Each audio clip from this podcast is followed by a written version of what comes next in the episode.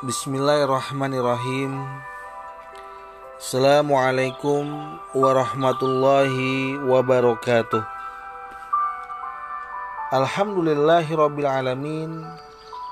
Wassalatu wassalamu ala rasulillah Wa ala alihi Wa man wala wala hawla wala quwata illa billah.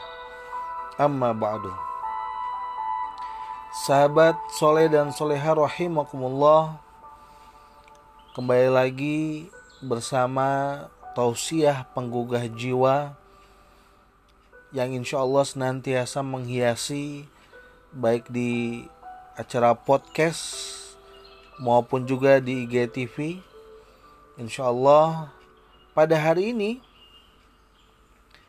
kita akan membahas tentang Al-Mulk penghalang siksa kubur. Sahabat soleh dan soleh rahimakumullah Betapa banyak ibroh yang bisa kita ambil dari tema tersebut Tentang kisah surat Al-Mulk Penghalang siksa kubur Sahabat soleh dan soleha rahimakumullah di mana pun kamu berada dengan membaca dan sekaligus memahami Quran surat Al-Mulk, mentadaburi dan mengamalkan dalam kehidupan sehari-hari akan mewarisi cahaya iman di dalam hati. Mendapat pahala yang besar serta selamat dari azab kubur. Masya Allah. Rasulullah Shallallahu Alaihi Wasallam bersabda, Barang siapa yang membaca Tabarakalladzi biyadihil mulk pada setiap malamnya, maka Allah Subhanahu wa taala akan menghalanginya dengannya dari azab kubur. Hadis riwayat An-Nasa'i, hadis dari Ibnu Mas'ud, Sahihut Targhib nomor 1475. Abdullah bin Mas'ud radhiyallahu anhu berkata, ada seseorang yang didatangi di kuburnya, lalu dihampirilah dari arah kedua kakinya, lalu kakinya pun berkata, "Tidak ada jalan bagimu untuk menyiksanya dari arahku, karena dia selalu saja membaca surah Al-Mulk untukku." Kemudian datangilah dia dari arah dadanya atau perutnya, maka dada atau perutnya pun berkata, "Tidak ada juga jalan bagimu dari arahku, karena dia itu selalu membaca surah Al-Mulk untukku."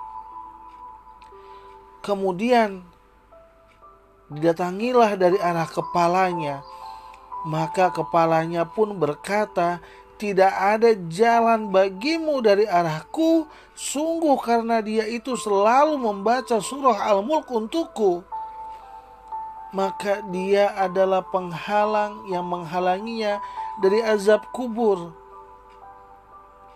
Dia pun di dalam Taurat disebut juga dengan surah Al-Mulk. Siapa saja yang membacanya di malam hari, maka berarti dia telah berbuat banyak serta dia telah berbuat baik. Hadis riwayat Al-Hakim 3 garis miring 322. Jabir bin Abdullah radhiyallahu anhu berkata bahwasanya Nabi Shallallahu alaihi wasallam tidaklah tidur sampai beliau pun membaca alif lam mim tanzil. Surah as-sajdah. Dan juga tabarakalladzi biyadihil mulk dalam Quran surat Al-Mulk.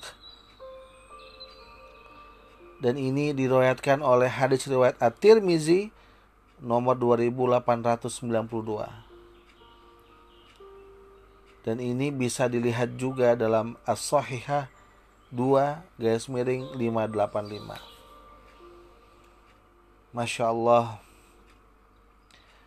sahabat soleh dan soleh rahimakumullah sungguh kadangkala kita seperti terlupakan dengan apa yang mungkin telah kita lakukan pada setiap hari kita beraktivitas. Ibrohnya adalah apa yang menghalangi kita untuk rutin membacanya. Padahal kita bisa membutuhkan waktu 5 sampai 10 menit. Kita berusaha untuk mengamalkan yang biasa dilakukan oleh seorang Rasulullah Shallallahu Alaihi Wasallam Masya Allah begitu nikmatnya, begitu indahnya ibroh yang mungkin tidak semua orang bisa mendapatkannya.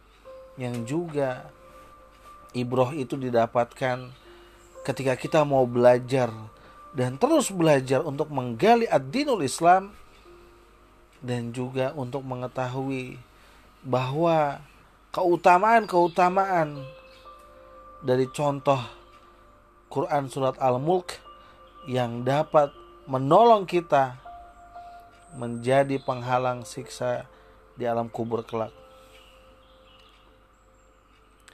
Jadi sahabat soleh dan soleh rahimakumullah kita tentunya ingin memiliki benteng yang kuat, benteng yang insya Allah bisa memperkuat ruhiyah kita, fikriyah kita, dan juga jasa dia kita.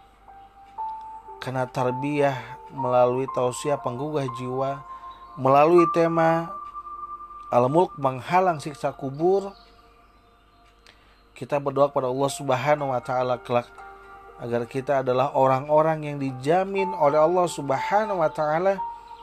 Mudah-mudahan kita bisa syahid fi sabilillah husnul khatimah dalam keadaan luar biasa baiknya dan kita juga bisa membaca kalimatullah yang luar biasa. La ilaha illallah. Di samping kita juga biasa untuk mengucapkan Quran surat Al-Mulk. Karena itulah menjadi ibroh yang luar biasa dalam kehidupan sehari-hari kita dan dapat mewarisi cahaya iman di dalam hati, menggugah jiwa kita, dan mendapat pahala yang besar, serta selamat diri kita dari azab kubur. Masya Allah, itulah yang terbaik. Barakallahu fikum. Semoga Allah lancarkan aktivitas sahabat soleh dan soleha rahimakumullah semuanya calon penghuni surganya Allah Ya sallallahu lakum Semoga ini adalah menjadi tautan tausiah penggugah jiwa bersama Ustadz Bonan As-Siddiq. Wassalamualaikum warahmatullahi wabarakatuh.